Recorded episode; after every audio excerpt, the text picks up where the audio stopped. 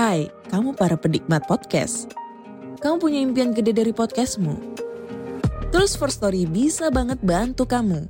Mulai dari F-Link, Dynamic Audio Insertion, sampai statistik yang komprehensif. Semua ada di First Story. Gak ketinggalan kamu bisa monetisasi podcastmu lewat iklan dari First Story Ads yang bisa kasih kamu penghasilan dari setiap place podcastmu. Yuk gabung sekarang dengan klik di firststory.me. Sekali lagi, klik di firststory.me. Mari kita bawa mimpi podcastingmu menjadi kenyataan. Apakah kamu pernah berdebat dengan orang lain? Kemungkinan besar pernah. Pada saat tertentu, kita pasti pernah mencoba untuk memenangkan sebuah debat. Entah itu di kolom komentar media sosial, di meja makan, di kantor, dan sebagainya. Manusia sepertinya tidak bisa lepas dari dorongan, kebutuhan, dan keinginan untuk berdebat. Tapi seni berdebat yang baik bukanlah semata berusaha membuktikan kamu benar dan orang lain salah, namun juga bagaimana kamu bisa meyakinkan mereka.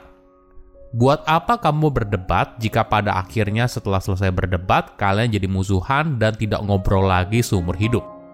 Ketika kita berdebat, fokusnya bukan hanya untuk memuaskan ego semata, tapi coba pikir lagi, apa yang kamu inginkan dari pembicaraan tersebut? Apakah kamu ingin orang lain mengubah perilakunya? Apakah kamu ingin idemu diterima? Atau kamu ingin mengubah keputusan orang lain? Menariknya, orang yang jago debat atau bisa memenangkan sebuah argumen bukanlah orang yang pandai bicara, tapi dia merupakan orang yang jago mendengar. Dia bisa menggugah perasaan orang lain, sehingga apa yang disampaikan bisa menyentuh hati mereka dan pada akhirnya membuat mereka memahami sudut pandang yang disampaikan. Halo semuanya, nama saya Michael. Selamat datang di channel saya, Si Kutu Buku. Kali ini saya akan bahas bagaimana cara untuk memenangkan sebuah argumen. Ini merupakan rangkuman dari video TED Talk Neil Katyal yang berjudul How to Win an Argument at the US Supreme Court or Anywhere dan diolah dari berbagai sumber. Bagaimana cara kamu membujuk orang lain? Mungkin secara umum kita diajarkan untuk berbicara dengan penuh keyakinan. Tapi bagaimana kalau itu salah? Bagaimana kalau kepercayaan diri justru adalah musuh dari seni membujuk orang lain? Seni membujuk pada dasarnya adalah soal empati. Bagaimana kita bisa masuk ke dalam isi kepala orang lain? Ini yang membuat kamu mendengarkan informasi ini atau membaca sebuah artikel dan sebagainya. Neil bercerita saat dirinya berjuang untuk memenangkan sebuah kasus hukum di Mahkamah Agung Amerika Serikat. Di awal sesi latihan, Neil pergi ke Harvard dan bertemu dengan para profesor hebat untuk berdiskusi. Meskipun dia sudah membaca sebuah materi yang dibutuhkan, berlatihnya terus-menerus, tapi dia merasa ada yang mengganjal. Argumen yang dia sampaikan tidak menyentuh hati orang lain. Ini yang kadang dilupakan Kadang ketika bicara soal membujuk, kita hanya fokus pada fakta dan data. Padahal kita lupa, manusia itu pada dasarnya makhluk emosional. Yang mendorong kita bukanlah fakta semata, tapi lebih apa yang kita rasakan. Kembali ke cerita Neil. Jadi ketika dia putus asa, secara tidak sengaja dia bertemu dengan seorang pelatih akting. Dia bahkan bukan seorang pengacara, Ketika mereka mengobrol, pelatih akting itu sadar kalau Neil masih kurang yakin atas argumen yang dibuatnya. Jadi mereka mulai berlatih simulasi bagaimana Neil mempresentasikan kasusnya di depan Mahkamah Agung. Namun ketika Neil berusaha mengambil dokumen legalnya, pelatih aktingnya lalu tanya, kamu ngapain? Neil lalu menjawab, saya ingin mengambil dokumen itu karena semua argumen saya ada di sana. Namun pelatihnya bilang, Neil, tatap mata saya dan katakan argumenmu. Ketika Neil melakukannya, dia baru sadar kalau apa yang disampaikan baru menyentuh orang lain ketika adanya kontak mata. Di sana terbentuk koneksi emosional.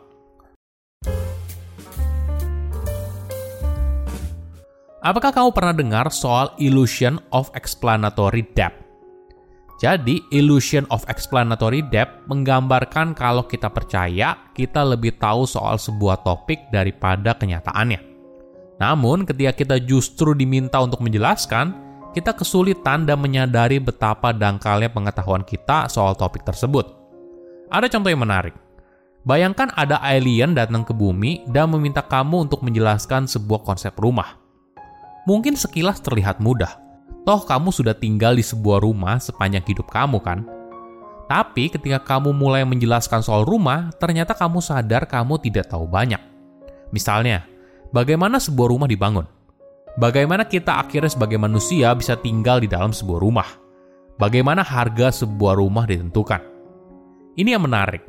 Ilusi kalau kita tahu banyak soal sebuah topik, padahal kenyataannya tidak. Parahnya, kita bisa saja memutuskan sesuatu berdasarkan sebagian informasi yang kita miliki. Misalnya, kamu tiba-tiba suka pada salah satu capres atau tiba-tiba bersemangat untuk belajar hal baru. Ketika ditanya, apa yang kamu suka dari capres itu? Apa keunggulan dari capres itu? Bagaimana capres tersebut bisa membawa perubahan yang lebih baik? Mungkin kita kesulitan untuk menjawabnya, karena selama ini keputusan kita mendukung capres tertentu mungkin mayoritas didukung oleh perasaan semata. Ada beberapa cara yang bisa kamu coba ketika berdebat dengan seorang. Pertama, tanyakan bagaimana, bukan kenapa. Ketika kita bertanya kenapa, hal ini sering kali membuat seorang jadi defensif. Misalnya kita tanya, kenapa kamu berpikir seperti itu? Kenapa kamu kok ngefans banget sama capres A? Pertanyaan ini justru terasa seperti tantangan atas keyakinan atau tindakan yang sudah diambil. Namun ketika kita tanya bagaimana, kita memaksa mereka untuk menjelaskan secara lebih detail. Misalnya, bisakah kamu jelaskan program apa yang kamu sukai dari Capres A? Pendekatan ini mengundang orang lain untuk menyelami proses berpikirnya. Alhasil, ketika menjelaskan, mereka jadi sadar kalau ternyata pengetahuan mereka tentang apa yang sangat mereka yakini ternyata tidak sedalam itu loh. Jadi perlahan-lahan sikap mereka menjadi mulai melunak dan melihat sesuatu dengan kacamata yang lebih objektif. Kedua, isi gap pengetahuan mereka dengan cerita yang meyakinkan.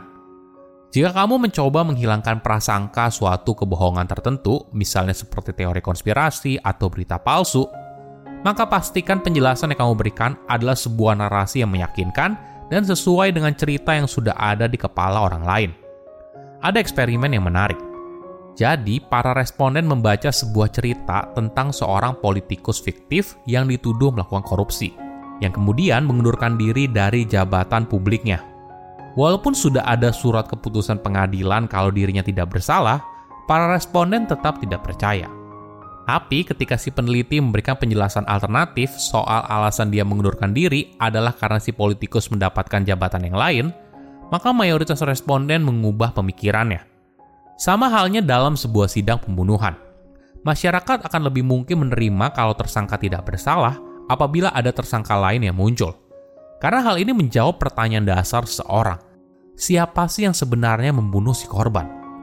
Ketiga, bersikap sopan dan baik. Secara umum, seseorang akan lebih rasional dan mengakui batasan dirinya apabila pendekatan dilakukan dengan penuh rasa hormat dan empati.